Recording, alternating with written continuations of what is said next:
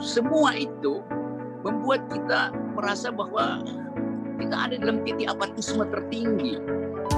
Titik yang memungkinkan kita untuk bunuh diri massal secara batin karena kehilangan politik of kehilangan harapan.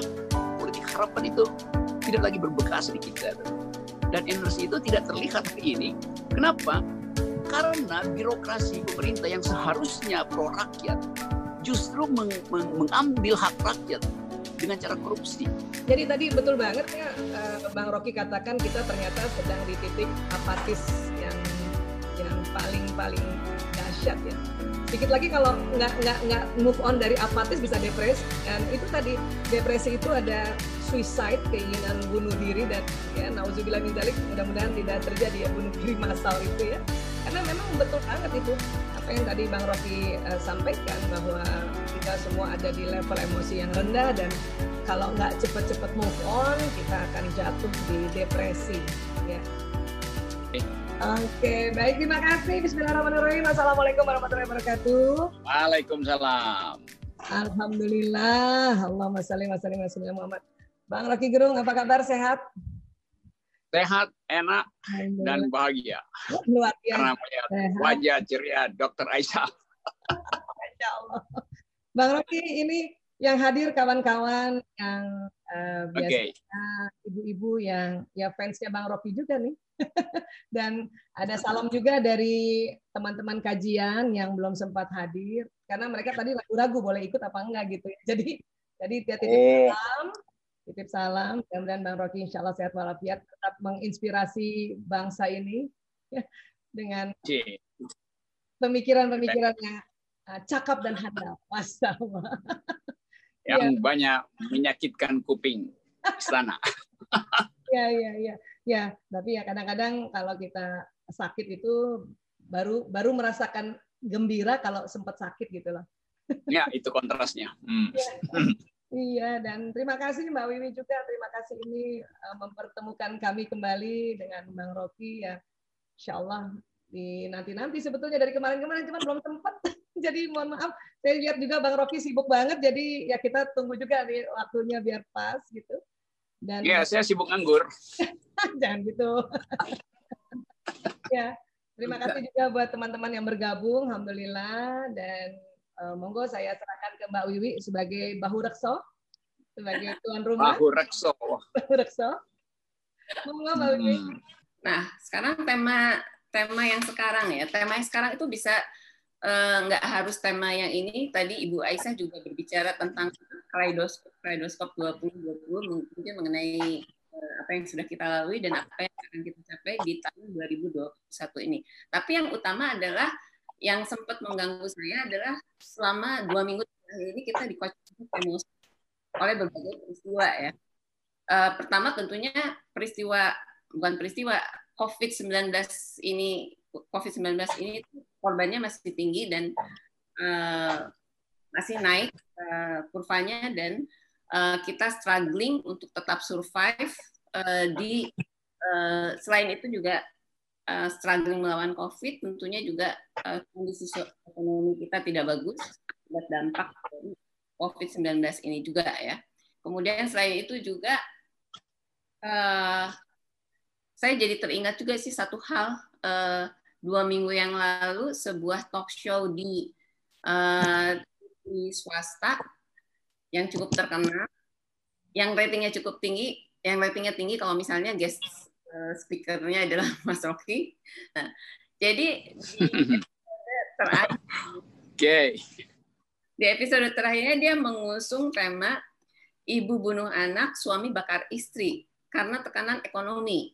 Jadi situasinya sudah sangat mengkhawatirkan seperti itu. Jadi eh, apa tekanan ekonomi dan tekanan sosial uh, mempunyai kecenderungan um, tindak kriminal ya itu satu hal yang sangat kita sesalkan sekali dan selain itu juga kita kemarin juga eh, ada peristiwa beberapa peristiwa di antaranya yaitu di satu sisi kita struggling ekonomi, mengalami tekanan ekonomi, tapi di sisi lain eh, kita dipertontonkan eh, oleh KPK menangkap tangan menangkap tangan OTT dua menteri. Di mana salah satu menterinya itu mengkorupsi dana bansos. Jadi kembali lagi itu satu hal yang sangat uh, mengoyak-ngoyak emosi kita gitu kan, mau marah, uh, kesel dan lain-lain. Selain itu juga ada satu peristiwa lagi yang ini memang uh, mengusik uh, emosi saya ya. Uh, mungkin yang lain juga. Jadi ada satu peristiwa, uh, mungkin saya tidak perlu menyebutkan peristiwa nyata apa, tapi uh, mungkin teman uh, bapak-bapak dan ibu-ibu dan teman-teman juga tahu ada peristiwa saya nggak tahu tembak menembak atau uh, peristiwa penembakan, tapi uh, pada saat press conference masing-masing pihak yang bertikai itu menarasikan situasi atau keadaan menarasikan press conference itu dengan Eh, bertolak belakang. Jadi itu membuat masyarakat bingung siapa yang kita percaya. Uh, jadi maksudnya itu keadaan-keadaan seperti itu yang membuat emosi kita terkoyak-koyak. Ya. Nah, uh, tentunya Ibu Aisyah sebagai pakar uh, manajemen emosi bisa menjelaskan hal ini ya. Uh, saya mendapatkan paparan dari Ibu Aisyah tentang level emosi kita. Mungkin uh, pada saat sekarang masyarakat kita itu level emosinya sangat uh, di bawah ya Bu Aisyah ya nafsu lawama atau nafsu amarah karena apa yang kita rasakan itu sedih, takut uh, dan marah ya. Uh, jadi gimana caranya menggeser nafsu lawama dan nafsu amarah ke nafsu mutmainah. Gimana di mutmainah itu ada uh, acceptance, peace, kemudian yang atasnya lagi adalah uh, enlightenment. Nah, tapi itu uh, tadi Bu Aisyah pesan bahwa yang akan uh, memaparkan paparan duluan adalah Mas Rocky. Nah, kalau Mas Rocky saya Mas Rocky duluan karena kita kan kemarin baru dapat baru dapat apa namanya baru dapat uh, materi dari Ibu Aisyah. Jadi ya. ya, jadi ini yang yang ikut serta udah sering dengar aku ngomong, makanya mau dengar Bang Rocky dulu. nah, kalau Mas Oke, okay, Rocky, boleh. Ya sebelum saya mengajukan pertanyaan, saya mau cerita dulu nih Mas Rocky nih. Uh, saya punya uh, teman dia uh, laki-laki usia sekitar 40 tahun 40 tahun 40 tahunan lah ya. Jadi ya dia keluarga cukup harmonis, istri dan seorang anak, tapi dia uh, mengalami depresi, ya, mengalami depresi dan uh, dia ber, uh, mengadakan terapi pengobatan ke psikiater. Nah, pada saat dia mengalami, uh, pada saat dia terapi pengobatan ke psikiater, dia menemukan buku ya. Bukunya itu buku tentang filsafat. Uh, judulnya How to be a Stoic karya Massimo Pigliucci. Nah, setelah menurut dia ya, setelah dia uh, membaca buku tersebut, seolah-olah dia terbuka mata buat seolah-olah dia terbuka matanya dan menemukan terapi tanpa obat.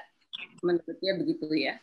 Uh, jadi terapi obat dari uh, psikiaternya bisa di, dihentikan sebelum waktunya. Jadi uh, jadi saya juga di sini melihat betapa ilmu filsafat itu juga bisa mengelola emosi.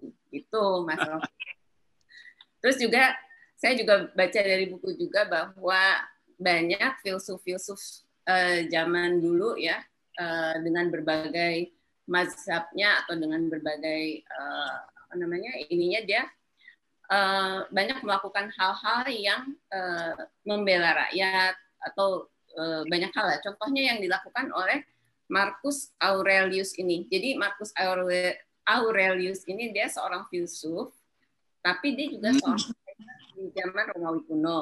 Ya dan dia pengusung filsafat Stoa. Kalau menurut di buku itu filsafat Stoa itu mengusung kebahagiaan sebagai jiwa yang tenang dan damai, bebas dari emosi, bebas dari penderitaan, tiadanya emosi saat kita tidak diganggu oleh rasa marah, kecewa, iri hati, dan lain-lain emosi negatif. Nah, pastinya nih Mas Rocky pasti bisa menerangkan uh, secara lebih terperinci dan uh, lebih detail lah ya uh, ilmu filsafat kaitannya sama. Silakan Mas Oke, Bibi, terima kasih Dr. Aisyah dan teman-teman semua. Ini saya dapat tugas maha berat ini menghubungkan antara batin dan analisa filosofi itu. Suara saya cukup terdengar ya? Kedengaran. Oke. Okay. Oke, okay, uh, saya mulai Dokter Aisyah supaya saya bikin uh, problem batin sehingga saya diterapi akhirnya nanti ya. Jadi Oke, okay, tadi uh, Dokter Aisyah menyebut istilah bahurekso tuh. Bahurekso itu artinya uh, daya dukung, begitu ya? Apa ya. artinya bahurekso? Bahurekso itu kan artinya uh, tuan rumah. Kemampuan menahan beban gitu ya. Iya, iya, betul. ya, itu jadi di dalam uh, mitologi Yunani ada ada dewa namanya Hercules yang dalam bahasa Jawa mungkin disebut bahu rekso karena bahunya sangat kuat sehingga dia bisa menopang globes uh, bola bumi dia topang bahkan tuh. Di sebuah kota di Kassel di Jerman itu saya pernah ke situ buat hanya untuk lihat uh, patung dari dari Hercules. Jadi uh, itu di uh, bukit besar itu. Jadi kita punya gambaran bahwa kalau bahunya kuat itu dia bisa menopang apa pun. Tapi yang lebih penting sebetulnya adalah yang tersimpan di dalam bahu itu yaitu batin yang kuat. Kalau sekedar kekuatan fisik kita bisa uh, pakai uh, forklift bahkan untuk mengangkat barang tuh. Tapi mengangkat kehidupan itu tidak bisa dengan bahu. Uh, harus dengan kekuatan inner self kita.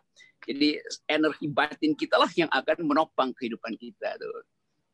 Uh, bahu ada ada lagu dulu saya masih mahasiswa tahun 80-an ada lagu dari Tommy Page namanya a shoulder a shoulder to cry on. Jadi shoulder to cry on, uh, bahu untuk uh, bersender untuk berkeluh kesah itu. Liriknya kira-kira begini, saya masih ingat uh, awalnya itu. Life is full of lots of ups and downs. Hidup itu penuh dengan uh, naik turun itu. Tapi hanya batin kita yang bisa mengatur perasaan kita supaya kita tidak terjerembab ke tanah. Kira-kira begitu uh, filosofi dari Tommy Page. Ini uh, dia bukan filsuf ya, dia dia penyanyi. Jadi kita dapat satu inspirasi sebetulnya dari kehidupan dan dan inspirasi itu yang kita batinkan. Nah, pembatinan itu adalah pelajaran hidup. Jadi membatin sebetulnya adalah pelajaran hidup gitu. Yang kemudian diteoritisir oleh psikolog, lalu dianalisis oleh tadi disebut oleh uh, Mbak Wiwi oleh uh, uh, Sto Stoa School itu uh, aliran filsafat di dalam di Yunani yang nama Stoa itu itu mengajarkan tentang disiplin tentang uh, tidak menyerah gitu kekuatan untuk tidak menyerah. Jadi itu ada prinsip prinsip hidup dari para filsuf Stoa yang berupaya untuk meyakinkan pada manusia bahwa jangan menyerah gitu.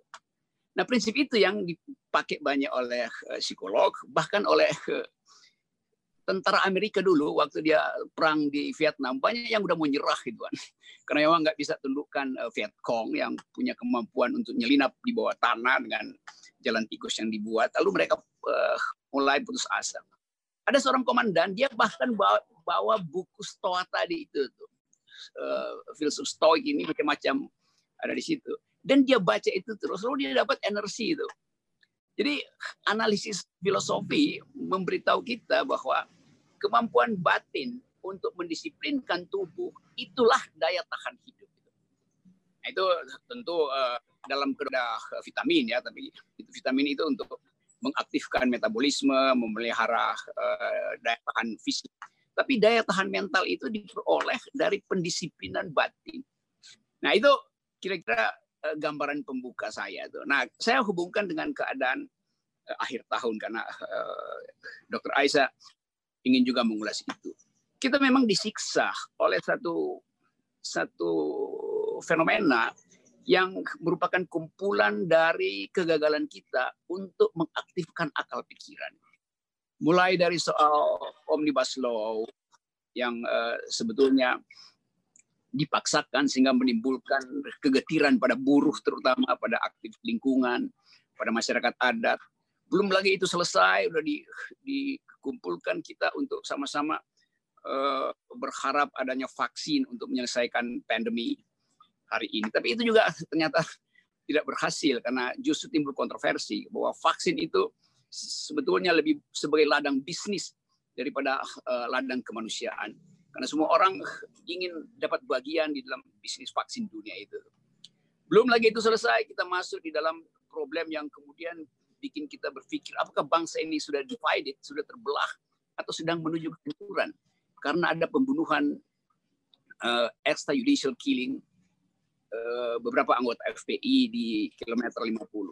Jadi semua itu membuat kita merasa bahwa kita ada dalam titik apatisme tertinggi. Titik yang memungkinkan kita untuk bunuh diri massal secara batin karena kehilangan eh, politics of hope, kehilangan harapan. Politik harapan itu tidak lagi berbekas di kita. Lalu kita bayangkan bisa nggak ekonomi pulih itu? Seluruh analisis dalam tahun terakhir ini, dalam uh, ujung tahun ini yang biasa disebut kita membuat resolusi akhir tahun pakar ekonomi mengatakan kita tidak akan mampu di semester pertama bukan sepanjang tahun depan untuk memulihkan ekonomi bahkan untuk menaikkan dari minus 5 pergi ke plus 2 misalnya itu perlu energi besar dan energi itu tidak terlihat hari ini kenapa karena birokrasi pemerintah yang seharusnya pro rakyat justru meng meng mengambil hak rakyat dengan cara korupsi jadi bayangkan misalnya Departemen Sosial yang dirancang untuk membahagiakan rakyat secara materi melalui bansos, justru dikorupsi oleh menterinya. Menterinya datang dari uh, Partai Wong Cili. Partai Wong Cili mengkorupsi hak Wong Cili. Kan ini gila kan? Kalau misalnya kementerian lain mungkin masih masuk akal itu korupsi. Ini dia mengkorupsi hak paling dasar yang membuat rakyat bahagia itu bansos. Jadi rakyat di bawah nunggu bansos 300 ribu, yang nyampe tinggal 100 ribu. Jadi 60 persen itu diambil.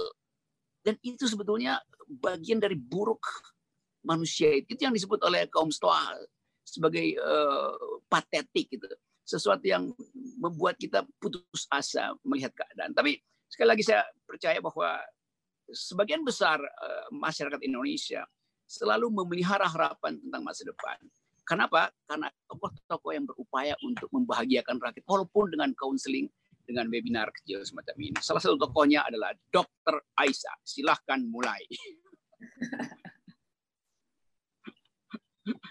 Waduh. Silakan dok. Ini kalau Cukup ya mengantar dulu ya. Ya, kalau boleh memilih saya masih mau dengar Bang Rocky cerita ini. Nanti saya sambung. Oke, masya Allah. Terima kasih Bang Rocky. Ya. Kalau kata anak saya, kenapa dia suka dengar Bang Rocky Gerung cerita? Karena menurut mereka kalau Bang Rocky yang membahas itu puitis banget katanya. Dibanding katanya kalau ya, saya itu. Kalau saya yang menjelaskan, karena kalau saya menjelaskan eh, terlalu ilmu pengetahuan. Kata anak saya yang bungsu, Bu, kalau kita menjelaskan sesuatu terutama tentang tentang kita punya batin terlalu ilmu pengetahuan, nanti hilang rasa heart to heart-nya katanya. Iya, yeah. kita perlu shoulder to cry on. Yeah. Jadi tadi betul banget ya eh, Bang Rocky katakan kita ternyata sedang di titik apatis yang yang paling paling dahsyat ya. Apatis ini kan kalau di level emosi itu eh, level yang paling bawah, paling merasa nggak ada gunanya lagi hidup kan ada rasa kayak gitu ya. Sedikit lagi kalau nggak nggak nggak move on dari apatis bisa depresi dan itu tadi depresi itu ada suicide keinginan bunuh diri dan ya nauzubillah min zalik mudah-mudahan tidak terjadi ya bunuh diri massal itu ya. Karena memang betul banget itu apa yang tadi Bang Rocky uh, sampaikan bahwa kita semua ada di level emosi yang rendah dan kalau nggak cepat-cepat move on kita akan jatuh di depresi ya.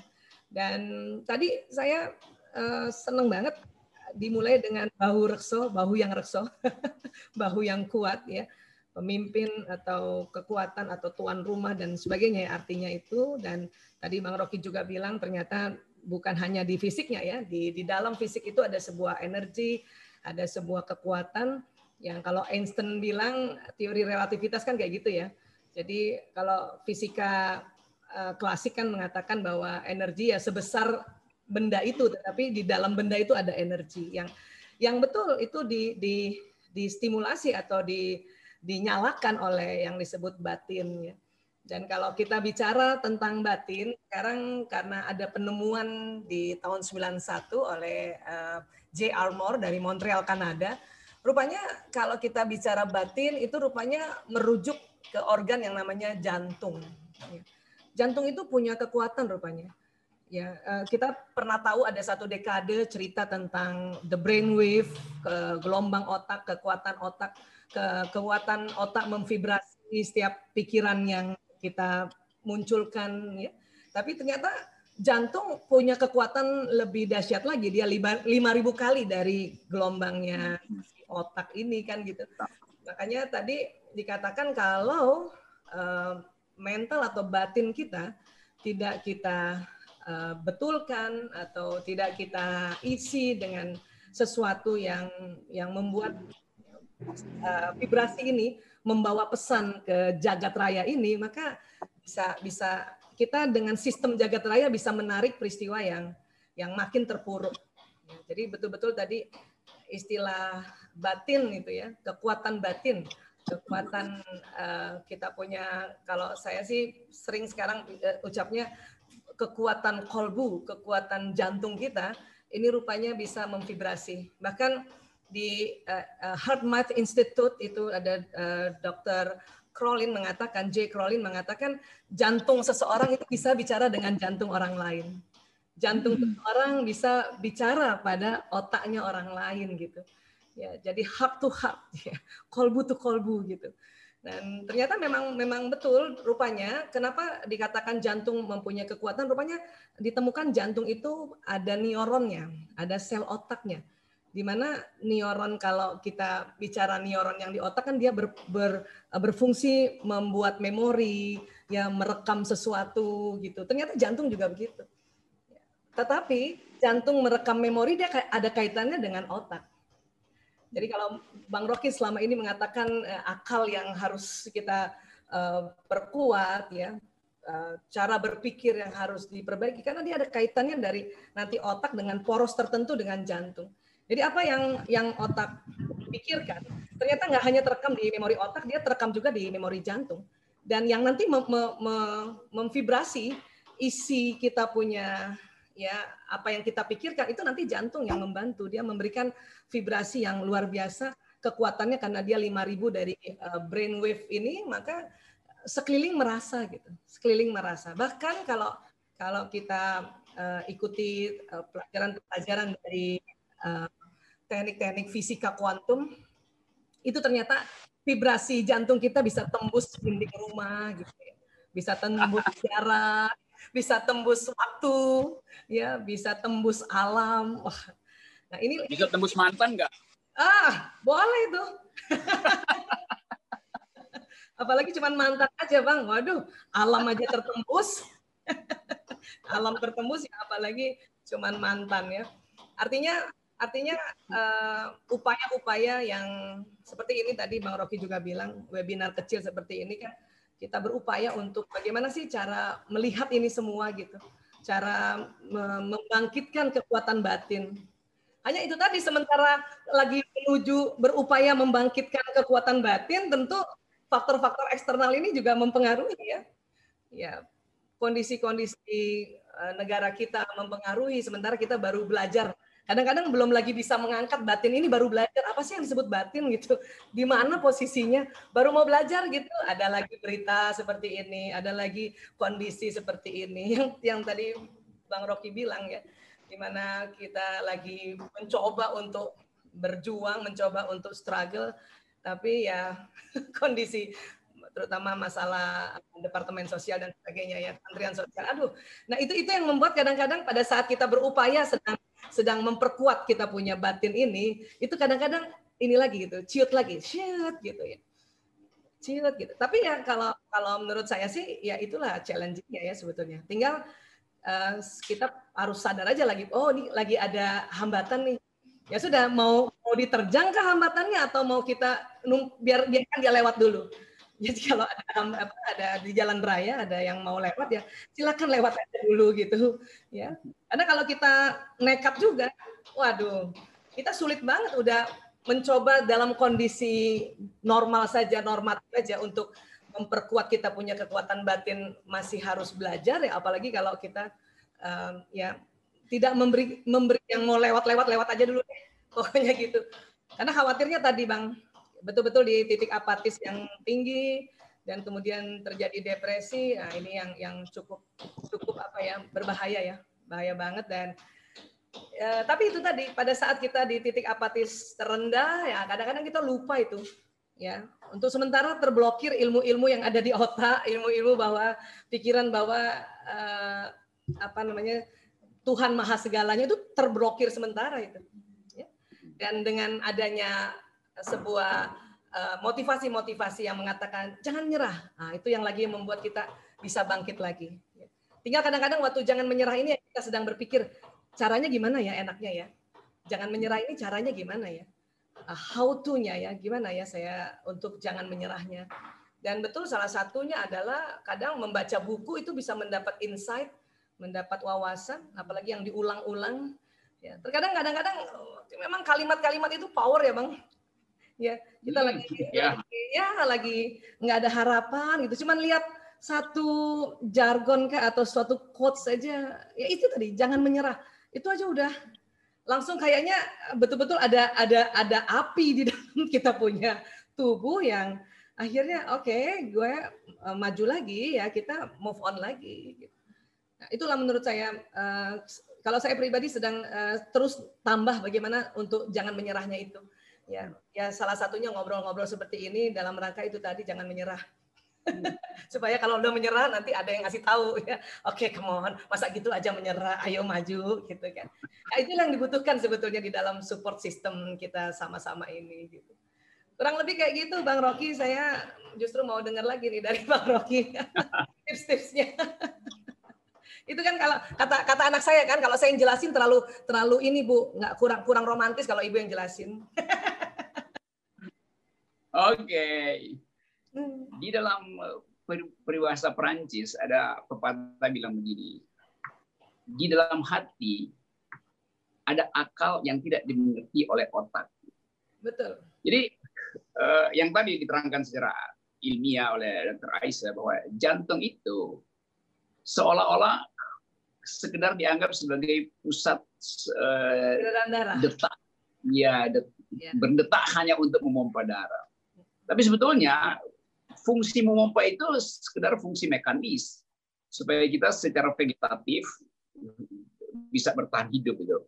Tetapi tentu ada sesuatu yang yang luhur di dalam jantung itu sehingga dia menghidupkan organ otak. Jadi sebetulnya darah yang disuplai ke otak itu bukan sekedar kimianya atau plasmanya, tetapi ada pesan gitu, pesan ya. batin Betul. Jadi saya nangkapnya begitu. Karena itu mungkin orang Perancis uh, merumuskan dengan uh, bahasa metaforis bahwa hati itu, jantung itu memiliki akal yang tidak dipahami oleh otak. Jadi otak sebagai brain, sebagai sebagai uh, uh, apa namanya faktisitas fisis itu distudi di dalam upaya untuk mengetahui uh, status dari organ itu. Tetapi bagian yang menghubungkan antara otak dan hati itu hanya bisa dirasakan oleh kepekaan batin. Dan mungkin itu riset yang sedang berlangsung, tapi tapi itu riset teknis. Nah, sakit hati itu artinya ada yang terluka dan luka itu tidak bisa diobati dengan vitamin. Tidak bisa tidak ada vaksin untuk menyembuhkan luka hati atau luka batin. Nah, percakapan adalah obat untuk memungkinkan gumpalan batin itu meleleh. Jadi aglutinasi batin itu meleleh oleh percakapan. Karena itu percakapan yang membahagiakan itu melegakan hidup sebetulnya kan. Nah kita tidak tidak peroleh itu. Kalau kita dengar istana ngomong itu nggak ada kelegaan batin di kita. Tadi saya baru baca ini, ini kebetulan saya baru baca baru sejam lalu eh, Pak Mahfud MD bilang begini, kalian netizen hati-hati karena kami awal tahun 2021 akan mengencangkan yang dia sebut sebagai cyber police, polisi siber. Waduh, ini belum akhir tahun udah diancam lagi, wah. Tahun depan harus hati-hati tuh. Kita bisa tangkepin orang-orang. Loh, itu belum terjadi bahkan. Kan mestinya Pak Mahfud, wakil istana, mengucapkan, oke, okay, salam akhir tahun, semoga awal tahun itu polisi cyber tidak lagi beroperasi karena udah ada kehangatan di antara warga negara. Kan mesti itu yang keluar bahasanya kan. Ini iya. justru bahasa ancaman. Hati-hati, awal tahun kami akan eh, perbanyak polisi cyber. Berarti ada anggaran tambahan. Berarti akan ada kecemasan di YouTuber, di mak-mak WA karena bisa diintai. Jadi bayangkanlah, ini uh, mestinya ada semacam departemen di istana atau kementerian batin supaya bangsa ini bisa diurus batinnya tuh bukan bukan sekedar eh, marah-marah dan jadi sinyal itu yang negara kelihatan kok mengancam ya padahal kita semua ada dalam kondisi tadi level stres yang hampir uh, suicide gitu.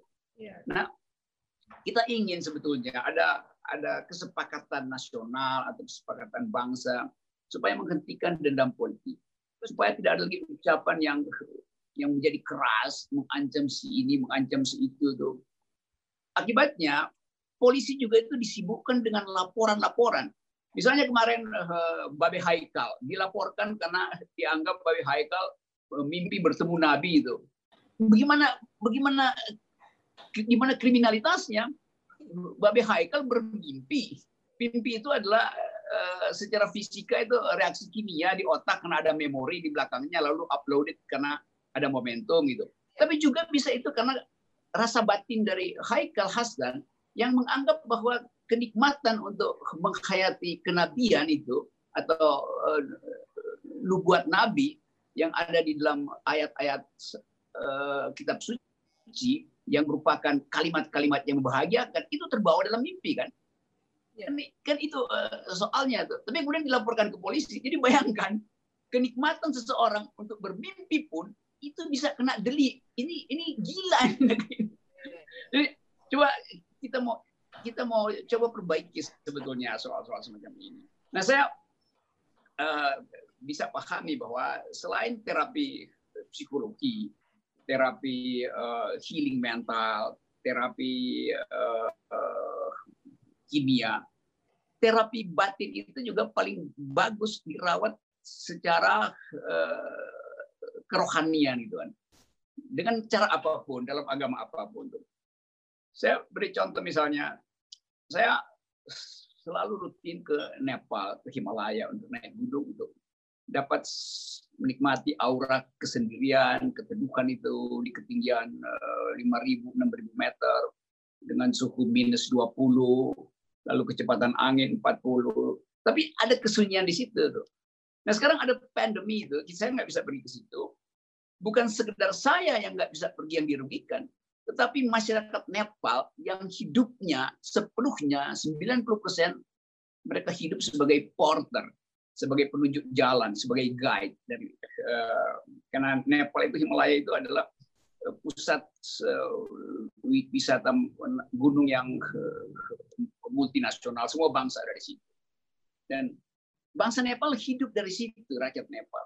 Begitu ada pandemi, dalam enam bulan ditutup Nepal itu sudah ada 2000 lebih uh, pemandu wisata yang bunuh diri.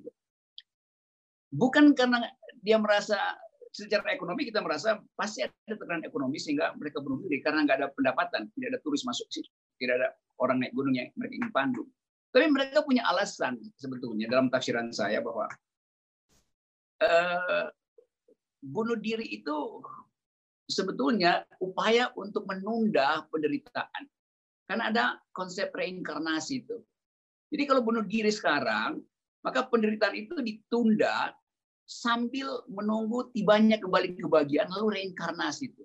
Jadi jiwa itu punya mekanisme untuk uh, keluar dari kesulitan bahkan dengan cara bunuh diri. Itu keyakinan eh, dalam uh, agama masyarakat Nepal itu. Nah, kita balik ke dalam diri kita. Kita punya semacam energi batin sebagai bangsa yang disebut kemanusiaan yang adil dan beradab. Keadilan sosial bagi seluruh rakyat Indonesia. Itu juga terhubung dengan keyakinan kita pada kerohanian manusia yang bisa berbagi beban. Nah, kita minta negara untuk terima keluh kesah rakyat. Tapi negara anggap keluh kesah itu sebagai kritik terhadap kekuasaan. Padahal rakyat mengeluhkan, batinya berteriak bahwa ada beban eh, kriminalitas ada di mana-mana karena orang harus penuhi lebih dahulu basic needs-nya itu. Kalau karbohidrat nggak ada di otak itu, maka otak eh, bisa eh, halu, lalu lakukan hal yang kriminal. Nah, ini sebetulnya yang diteriakkan oleh rakyat, diteriakkan oleh tokoh-tokoh oposisi, diteriakkan oleh eh, pemuka agama, diteriakkan oleh intelektual. Tapi negara menganggap teriakan itu adalah teguran terhadap kekuasaan dan negara bereaksi keras terhadap teguran itu melalui apa? Melalui undang-undang ITE. Jadi bukannya negara ajak bercakap-cakap supaya batin kita uh, dilemah lembutkan, justru membuat batin kita juga mengerat lagi. Jadi kita mau cari cara bagaimana teknik uh, profesional untuk menghidupkan persaudaraan yang sifatnya politis. Kalau secara keluarga batin, oke okay, kita eh, cari konsultasi segala macam. Tapi ini ada ada satu kimia buruk di dalam bangsa ini yang saling mencurigai itu. Nah ini kan kita nggak mungkin saya pergi ke psikolog terus psikolog paling tanya problem kamu apa? Problem saya adalah krisis karena saya tidak percaya pada negara. Gimana psikolog mengatasi itu? Kalau nggak percaya pada mantan atau nggak percaya pada pasangan, mungkin masih ada terapinya, tuan. Tapi saya nggak percaya pada kepemimpinan politik. Kan itu problem juga tuh. Ke mana kira-kira kita mengadukan soal ini? Kira-kira itu uh, komentar tanggapan. Silahkan kalau ada diskusi dengan yang lain, silahkan. Uh, Dr. Aisyah, Mbak Wiwi, dan teman-teman. Enak saya bisa ngobrol secara leluasa dengan referensi akademis yang ketat dari dokter yang batinya bening dan otaknya jernih. Masya Allah. ya, ya betul banget itu Bang Rocky. Saya sih menganggap ya kalau kita ngobrol gitu ya kan itu salah satu teknik ya untuk merilis kita punya kepenatan, kekhawatiran gitu kan. Itu betul banget. Harusnya ya kita didengar gitu. Atau di, istilahnya dibuatkan parit, dibuatkan got untuk mengalirkan kita punya kusumpekan ini gitu. Jangan jangan ditekan lagi, dikungkung lagi kan karena kalau makin dikungkung wah nanti makin makin terjadi eh, macam-macam hal ini yang yang tidak diinginkan ya. Bahkan sebetulnya kalau terlalu takut negara terlalu takut terhadap apa yang ditakutkan maka itu terjadi. Ini kan sistem di jagat raya seperti itu kan. Apa yang dikhawatirkan, apa yang ditakutkan itu kalau terlalu terus-terus gitu kan itu akan uh, ditarik ya. Dan kalau orang-orang bilang ada namanya law of attraction ya dia akan menarik ya. Dan bahkan dikatakan juga uh, nasib ini adalah uh, proyeksi pikiran dan perasaan. Jadi kalau hmm. perasaan kita udah takut takut takut ya jadinya kayak gitu gitu. Padahal memang kita hmm. butuh ya. Sebetulnya sudah apa ya istilahnya media sosial ini kan sebetulnya sudah satu salah satu jalan ya untuk melepaskan atau ya itu tadi kata Bang Rocky ya pokoknya ngomong aja gitu ya tanggapi aja dengan dengan baik aja, tanggapi dengan terima kasih uh, sarannya gitu aja udah seneng kita. Ya, saya yeah. misalnya ya, ya saya misalnya nih, misalnya DM Bang Rocky, Bang Rocky cuma bilang TKS udah seneng banget. Nanti saya cerita-cerita tuh sama keluarga, eh aku dijawab loh sama Rocky Gerung, bisa kayak gitu. Lagi kalau, kalau istana yang jawab kan, ya aku dijawab sama istana gitu kan, itu kan sebetulnya menyenangkan. Tapi istana jawabnya bukan TKS, jawabnya UITE. UITE. nah, itu dia. Makanya jawab TKS aja kan udah seneng kita. Atau dikasih dikasih jempol gitu. Aduh udah seneng banget ya Allah. Eh kita dijawab loh sama negara loh kayak gitu. Itu itu sebetulnya yang kayak kayak gitu tuh malah nanti bisa mengobati ya mengobati luka batin tadi, mengobati pilunya gitu. Walaupun kadang-kadang belum belum ada penyelesaian masalah, tapi dengan happy saja emosi sudah terangkat gitu ke level courageous yang semangat. Akhirnya kita semangat sendiri cari cari sesuatu dan apa ya yang harus aku uh, kerjakan hari ini supaya perekonomian uh, keluarga bisa teratasi gitu. Hanya cuman mengangkat saja itu emosi untuk uh, pokoknya semangat gitu. Ya ya dengan TKS hashtag TKS kita sebarkan ya. Hashtag TKS dari negara. Wow, itu keren banget sebetulnya ya. Seperti itu. Dan saya juga sampai sekarang juga belum ada itu pasien yang bilang saya depresi karena negara. Dia dia mau sembunyikan itu. Padahal itu latarnya. iya kan? Iya, makanya kan eh, karena tidak ada yang mengungkapkan seperti itu, itulah dibutuhkan media-media sebetulnya kan. Ya, ya kalau kalau memang kalau kita ikutin semua memang kita pusing aja, tapi kan buat habis orang habis ngetik, habis chat sesuatu bahwa kesel yaitu habis ngomong aja habis habis dikeluarin ketik kata-kata aja sudah tersalur dia punya emosi negatif itu kan sebetulnya gitu kan. Karena uh, kita emang butuh itu sekarang nih saking karena kalau di bendung-bendung-bendung wah lama-lama pecah kita punya tanggul dan ke mana-mana akhirnya kan ke mana-mana itu air um, apa menghempas yang harusnya tidak terhempas dia terhempas kalau terlalu sering dibendung kan nah itu itu juga di dalam rumah tangga saya bilang sama suami saya pokoknya kalau saya ngomong dengar aja ya. Supaya apa? Supaya tidak menghempas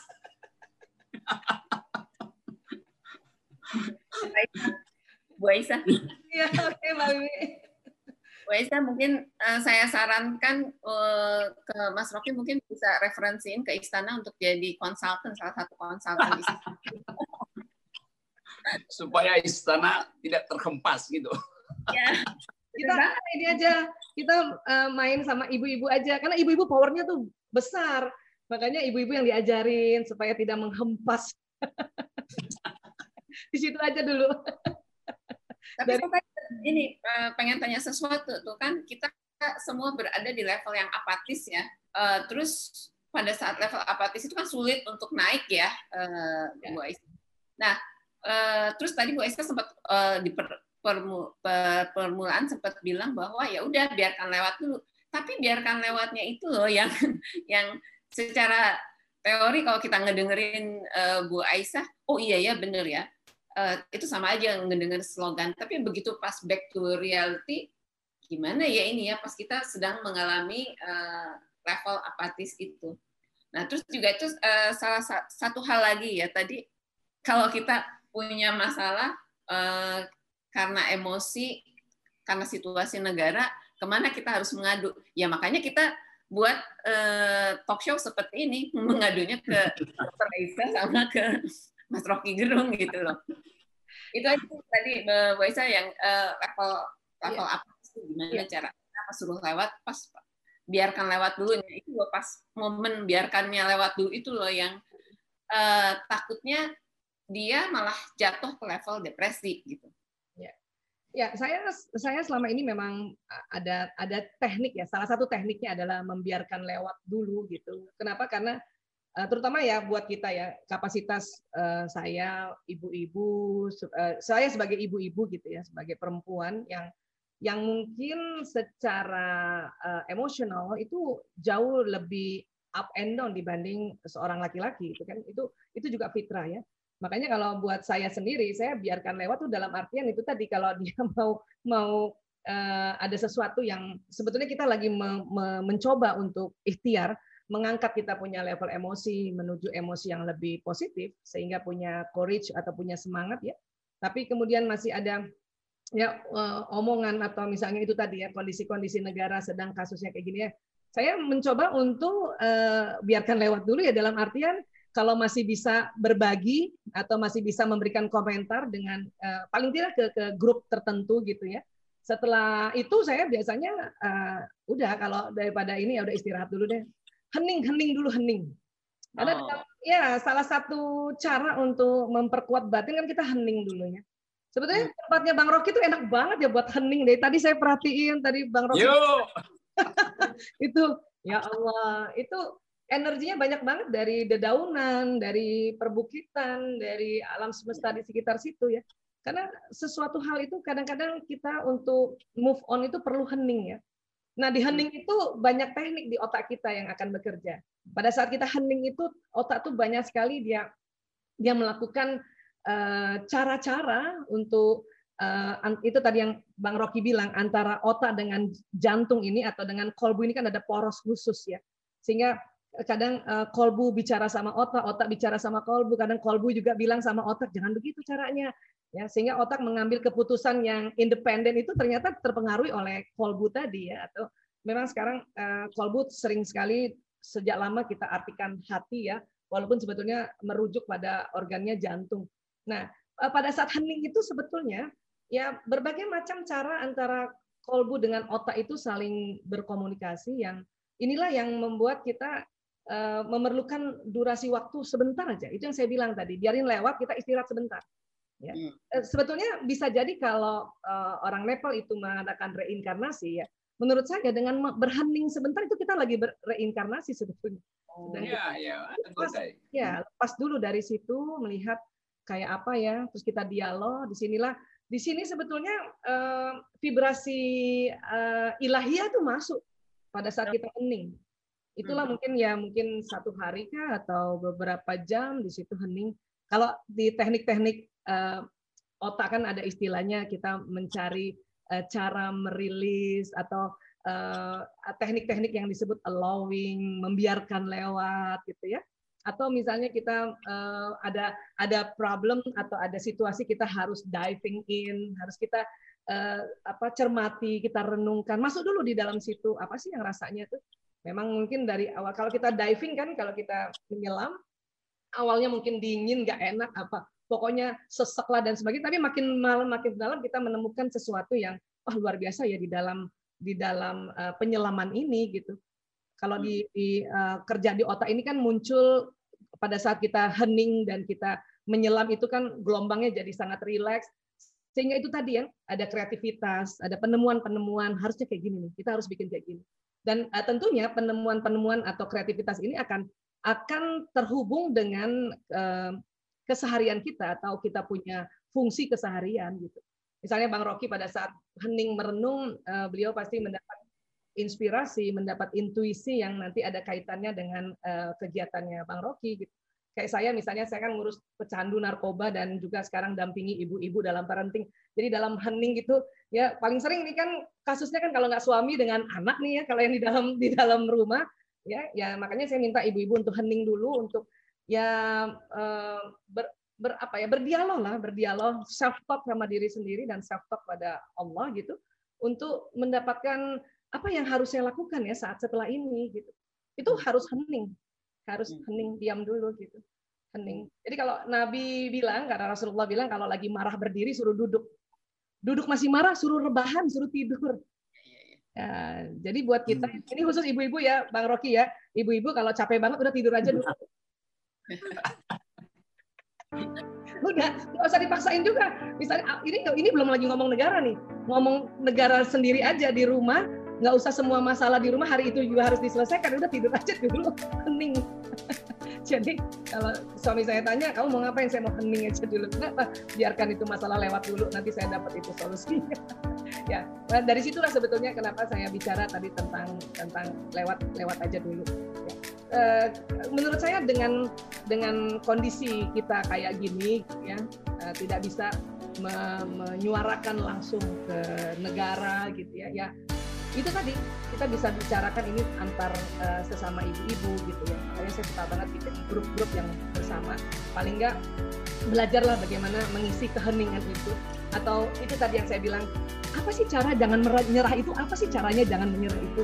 Yang ada kaitannya antara otak dengan kalbu. Karena ternyata terbukti banget kalau kita tahu caranya untuk jangan menyerah yang ada kaitannya poros otak dan kalbu tadi itu power rupanya dan setuju banget kita perlu ada hal-hal yang kayak gini gitu makanya waktu saya diundang Mbak Wiwi mau ngobrol sama Bang Rocky, ada ayo ayo ayo, kapan ya, eh kapan ya, kapan gitu.